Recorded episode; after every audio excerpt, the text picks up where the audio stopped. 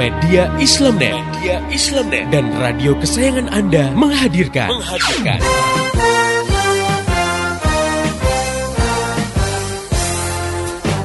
Voice of Islam, Voice of Islam, Voice of Islam. Di satu sisi diyakini bahwa perbuatan judi dan semua bentuk kemaksiatan itu diharamkan oleh Islam. Itu juga banyak yang sudah tahu. Namun di sisi lain, umat Islam sendiri tidak memiliki kemampuan untuk melarang kegiatan seperti itu. Karena sebenarnya kalau orang paham Islam, maka tidak akan dia punya pendapat wanita harus bekerja karena Islam tak pernah mewajibkan wanita untuk bekerja. Yang wajib bekerja itu laki-laki hmm, karena mereka iya. wajib menanggung nafkah keluarganya. Jadi sebenarnya hukumnya wanita bekerja itu mubah, hmm, boleh ya, jadi tidak dosa. Pemanfaatan tenaga nuklir apabila dipergunakan untuk kemaslahatan umat seperti penggunaan sektor non energi dan energi tersebut, maka hukum Islam memperbolehkan bahkan menganjurkan. Namun apabila digunakan untuk tenaga nuklir yang sifatnya menghancurkan kehidupan, dan menimbulkan kerusakan di muka bumi, misalnya seperti senjata nuklir, maka hal ini tersebut haram hukumnya. Allah Subhanahu wa taala mencela tindakan merusak dan orang-orang yang membuat kerusakan di muka bumi.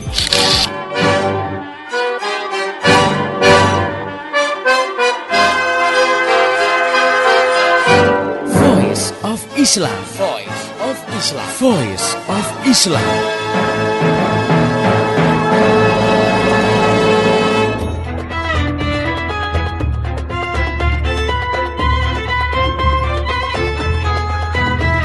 Halo Indonesia, Assalamualaikum warahmatullahi wabarakatuh.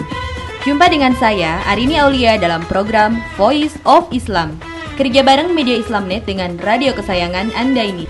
Dan selama 30 menit ke depan Voice of Islam akan menemani Anda dalam rubrik Female Chatting. Sebuah rubrik yang akan membahas permasalahan-permasalahan seputar kehidupan wanita Baik tentang pemikiran dan hukum-hukum Islam yang berkaitan dengan wanita telah hadir untuk mengasuh rubrik ini yaitu Ustazah Insinyur Nani Wijayanti yang biasa dipanggil Mbak Nani. Beliau adalah pem wakil pemimpin redaksi majalah Female Readers. Baik, mari kita sapa dulu beliau. Assalamualaikum warahmatullahi wabarakatuh, Mbak. Waalaikumsalam warahmatullahi wabarakatuh. Pendengar yang budiman, Salah satu persoalan yang sering dihadapi oleh para muslimah yang bekerja adalah ketika dia melakukan perjalanan dinas keluar kota selama beberapa hari. Nah, bagaimana hal ini dilakukan dan apa saja yang harus dipahami dan diperhatikan oleh para muslimah ini? Oke, para pendengar, kita akan bahas tentang perjalanan dinas bagi muslimah bersama Ustazah Nani Wijayanti setelah lagu yang berikut ini. Tetap setia di Voice of Islam.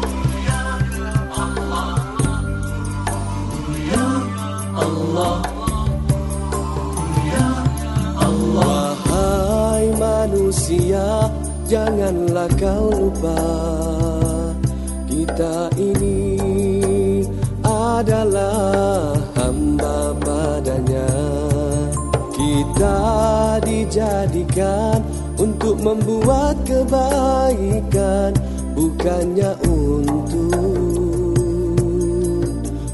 membuat kemungkaran. Wahai manusia Kitalah hambanya. Kita harus sabar. Mentaatinya Kita harus sabar. Meninggalkan larangannya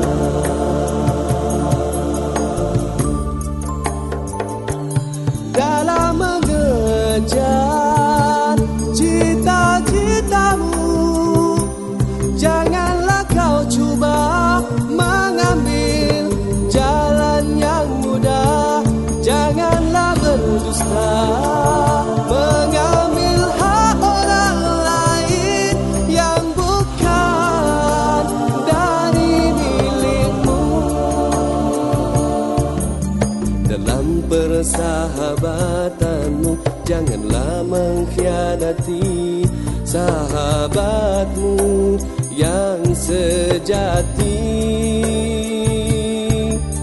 Dalam perjanjianmu janganlah berjanji jika tidak menepatinya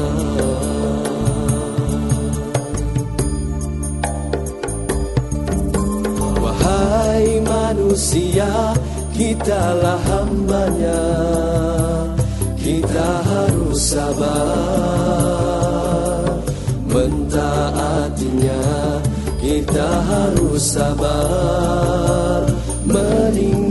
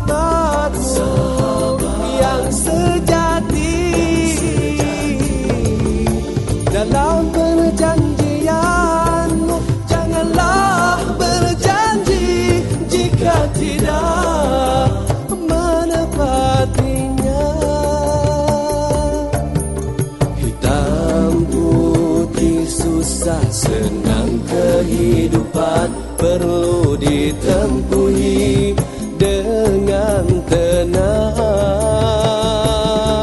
Semuanya penuh dengan hikmah yang tersirat Tuhan jadikan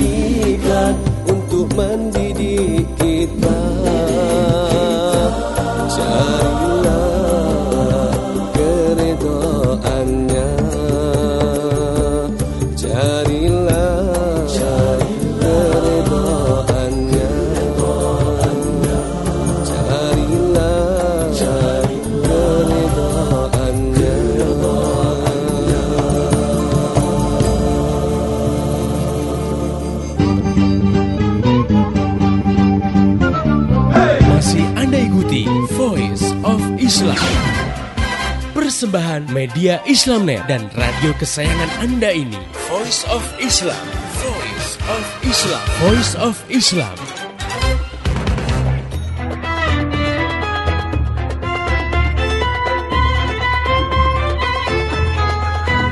Masih di Voice of Islam Kerja bareng media Islamnet dengan radio kesayangan Anda ini Pendengar yang budiman Saat ini kita berada dalam rubrik Female Chatting Bersama saya, Arini Aulia dan Ustazah Insinyur Nani Wijayanti Yang biasa disapa Mbak Nani Wakil pemimpin redaksi majalah Female Leaders Baik, langsung saja kita bincang-bincang dengan Ustazah Nani Wijayanti Mbak Nani, eh, ngomong-ngomong soal perjalanan dinas hukum apa saja yang harus diperhatikan eh, oleh para muslimah? Iya, Mbak Arini dan pendengar yang budiman, eh, dalam hal ini ada beberapa hukum yang harus kita perhatikan. Yang pertama adalah soal izin keluar rumah kepada wali. Wanita itu terikat oleh hukum ini. Jadi, wanita yang ingin keluar rumah maka dia harus izin kepada walinya dalam hal ini kalau dia masih single itu kepada orang tuanya, ayahnya. Dan kalau dia sudah menikah itu kepada suaminya. Yang kedua adalah hukum safar atau bepergian. Bagi wanita juga ada hukumnya. Yang ketiga, persoalan khalwat atau berdua-duaan dengan laki-laki yang bukan mahram. Juga ikhtilat. Ikhtilat itu artinya bercampur baurnya laki-laki dan perempuan. Jadi itu di antara beberapa hukum yang harus difahami oleh para muslimah ketika dia harus keluar dari rumahnya.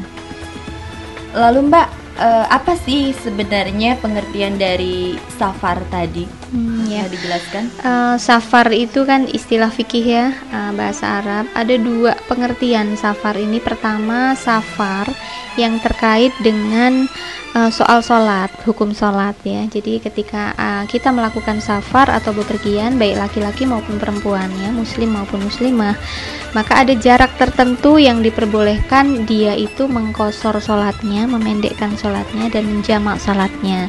Nah tentu kita tidak berbicara persoalan ini. Uh, safar yang dimaksud uh, dalam bahasan kali ini adalah safar tentang hukum wanita melakukan perjalanan keluar rumah dalam waktu yang tertentu gitu ya. Jadi safar yang ini saya kira yang yang kita akan bincangkan lebih lanjut gitu. Bagaimana hukumnya perempuan melakukan safar gitu ya. Uh, kemudian adakah batasan waktu perjalanan yang ditetapkan bagi seorang muslimah? Betul sekali Mbak Arini. Jadi untuk safar bagi muslimah ini memang ada batasannya. Kita bisa lihat dari salah satu hadis yang diriwayatkan oleh Bukhari dan Muslim yang artinya tidak boleh seorang perempuan melakukan safar tanpa seorang mahram. Kemudian eh, para sahabat menjelaskan bahwa batasan safar ini eh, adalah satu hari satu malam.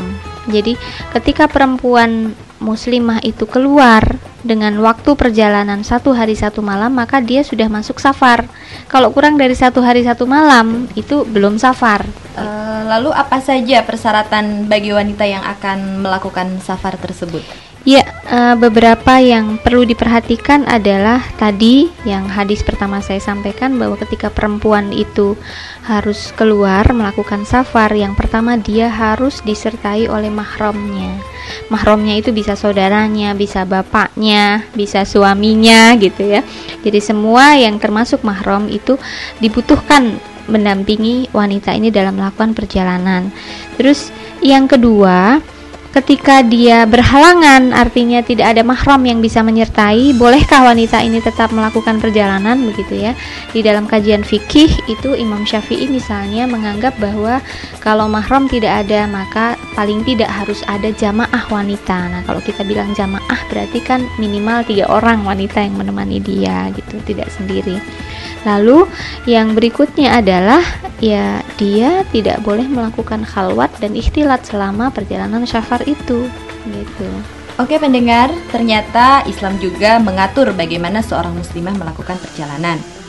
Nah, para pendengar yang budiman, jangan ke mana-mana dulu, karena saya, Arini Aulia dan Ustazah Insinyur Nani Wijayanti masih akan kembali setelah satu selingan berikut ini.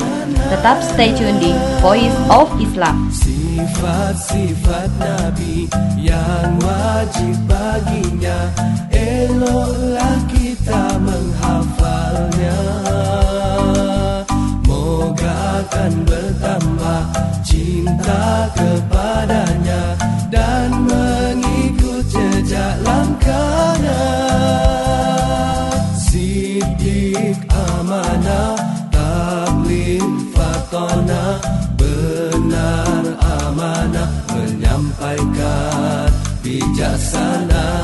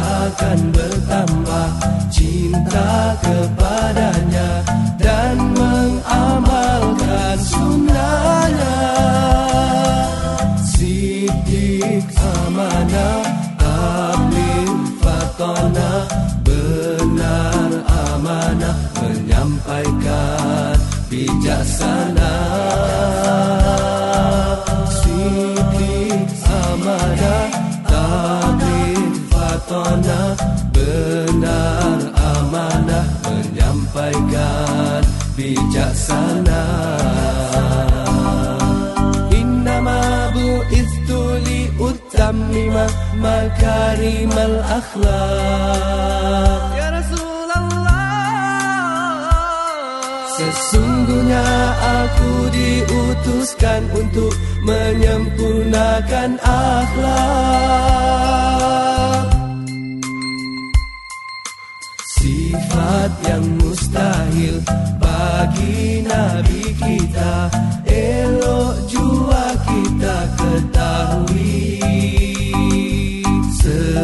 Sebagai panduan dalam hidup kita Menambah keyakinan padanya.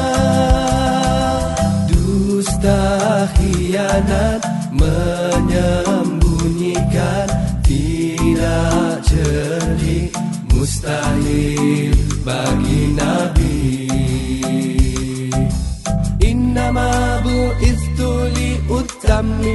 makarimal akhlak. Sesungguhnya aku diutuskan untuk menyempurnakan akhlak.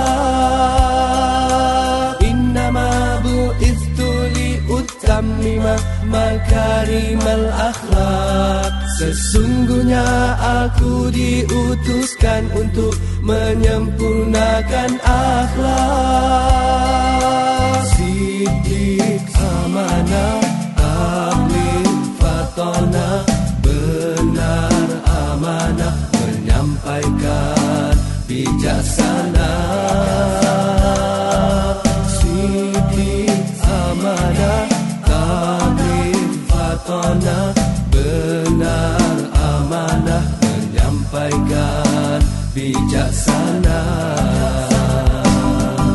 Sidik amanah fatona Benar amanah menyampaikan bijaksana. Sidik amanah tabligh fatona Benar amanah menyampaikan bijaksana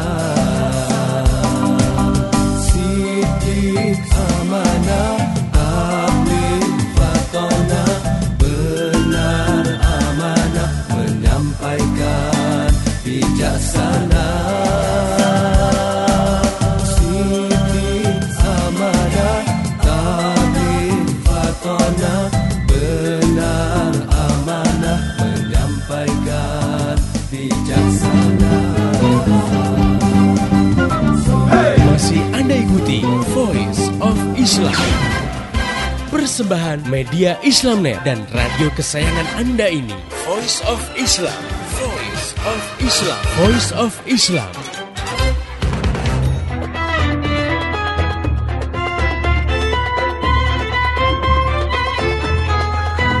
Masih di Voice of Islam Kerja bareng media Islamnet dengan radio kesayangan Anda ini Masih bersama saya, Arini Aulia dan Ustazah Insinyur Nani Wijayanti dalam rubrik Female Chatting Dan saat ini kita sedang membahas perjalanan dinas bagi muslimah Baik, para pendengar yang budiman Kita lanjutkan kembali bincang-bincang kita dengan Ustazah Nani Wijayanti Nah mbak, eh, bagaimana dengan persoalan keamanan bagi wanita selama melakukan perjalanan tersebut. Apakah Islam juga mengaturnya? Iya, Mbak Arini dan pendengar yang budiman, eh, jelas bahwa Islam itu sebenarnya menurunkan hukum-hukum yang sangat menekankan segi keamanan dan menjaga kehormatan wanita. Kalau tadi saya katakan beberapa hukum yang harus diperhatikan adalah uh, khalwat misalnya hukum tentang khalwat hukum tentang ikhtilat tidak boleh bercampur baurnya laki dengan perempuan kemudian harus izin wali safar harus ditemani mahram itu sebenarnya adalah tindakan preventif kan itu. Sekarang coba kalau kita uh, tanya tidak usah kepada perempuan muslimah misalnya perempuan yang non muslim pun kita tanya lebih aman mana dia bepergian jauh dalam beberapa hari sendirian dengan disertai mahramnya? Pasti jawabannya sama lebih aman dengan mahramnya. Kemudian lebih aman mana ketika perempuan itu pergi melakukan perjalanan bahkan nginap berminggu-minggu berbulan-bulan misalnya dia itu dipisahkan tempatnya, tempat tidurnya misalnya, tempat nginapnya dengan disatukan. Pasti sama jawabannya gitu. Karena ini memang perempuan dan laki-laki ini punya daya tarik gitu. Jadi kalau tidak diatur maka akan terjadi uh, sesuatu yang membuat wanita jadi tidak aman gitu. Jadi sebenarnya empat hukum tadi itu uh, jawaban dari Islam tentang bagaimana Islam menjaga keamanan wanita selama dia safar. Maka kalau dipatuhi hukum itu, tentu keamanan wanita ini akan terjamin. Nah, sekarang e, bila telah sampai di tempat tujuan, bolehkah wanita tersebut menginap sendirian? Mungkin di hotel misalnya, Mbak? Ya, ya memang kalau perempuan yang bekerja kan biasanya dinas itu nggak dinas jamaah atau dinas rame-rame ya. Pasti karena kepentingan tertentu entah dia dinas sendirian atau bertim misalnya ya tetap uh, perempuan ini muslimah ini akan terikat oleh hukum syara. Ketika dia sudah melewati safar dia harus mukim maka yang harus diperhatikan adalah pertama di tempat mukim itu dia harus sama pertama yang lebih baik adalah ada mahramnya. Tapi kalau tidak, maka harus ada jamaah wanita di situ.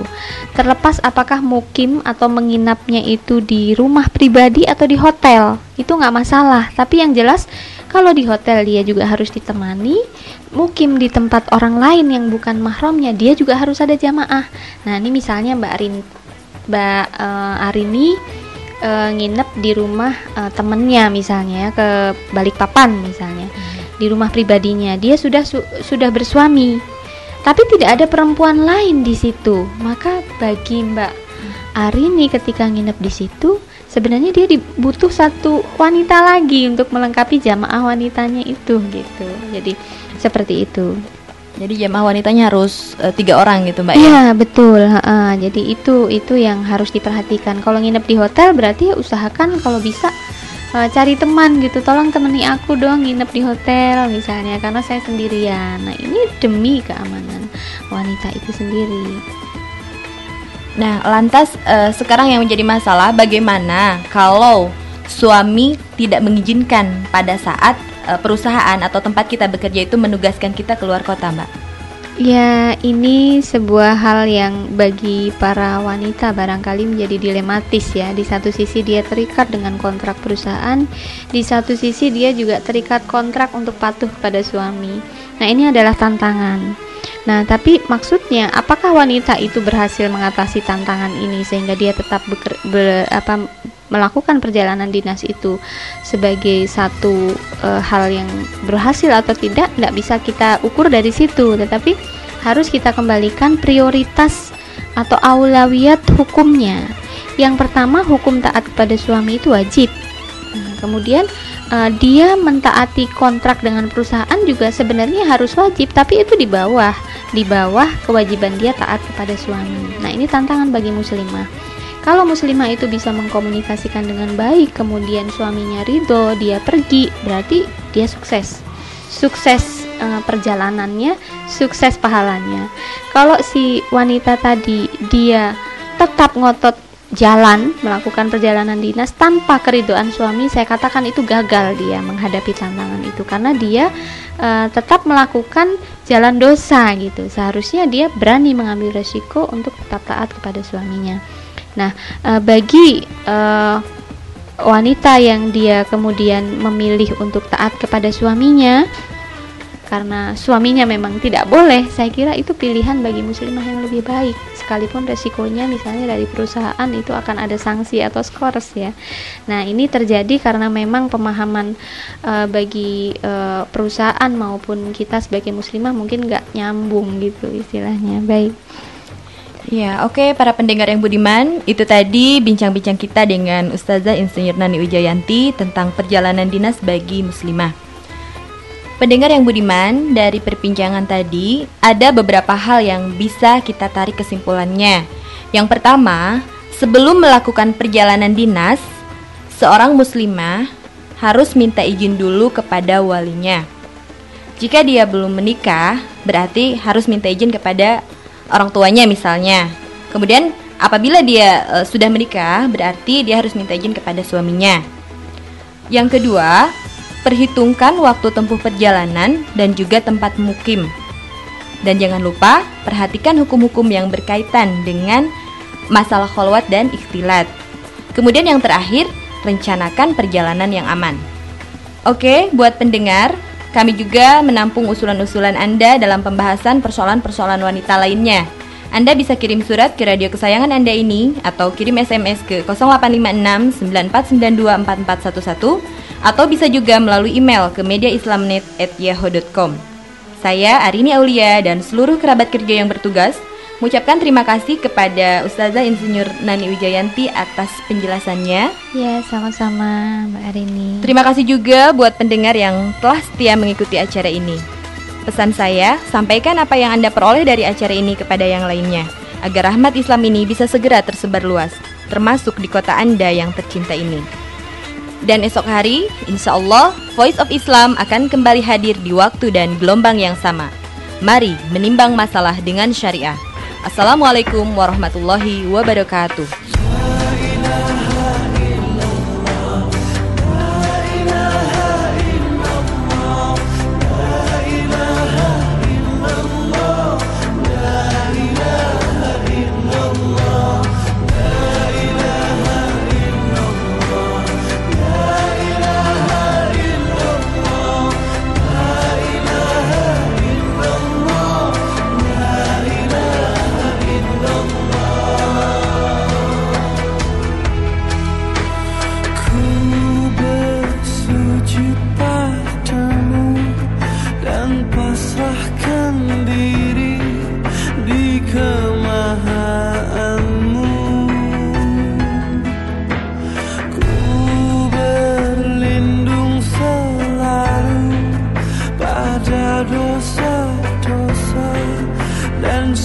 别再错。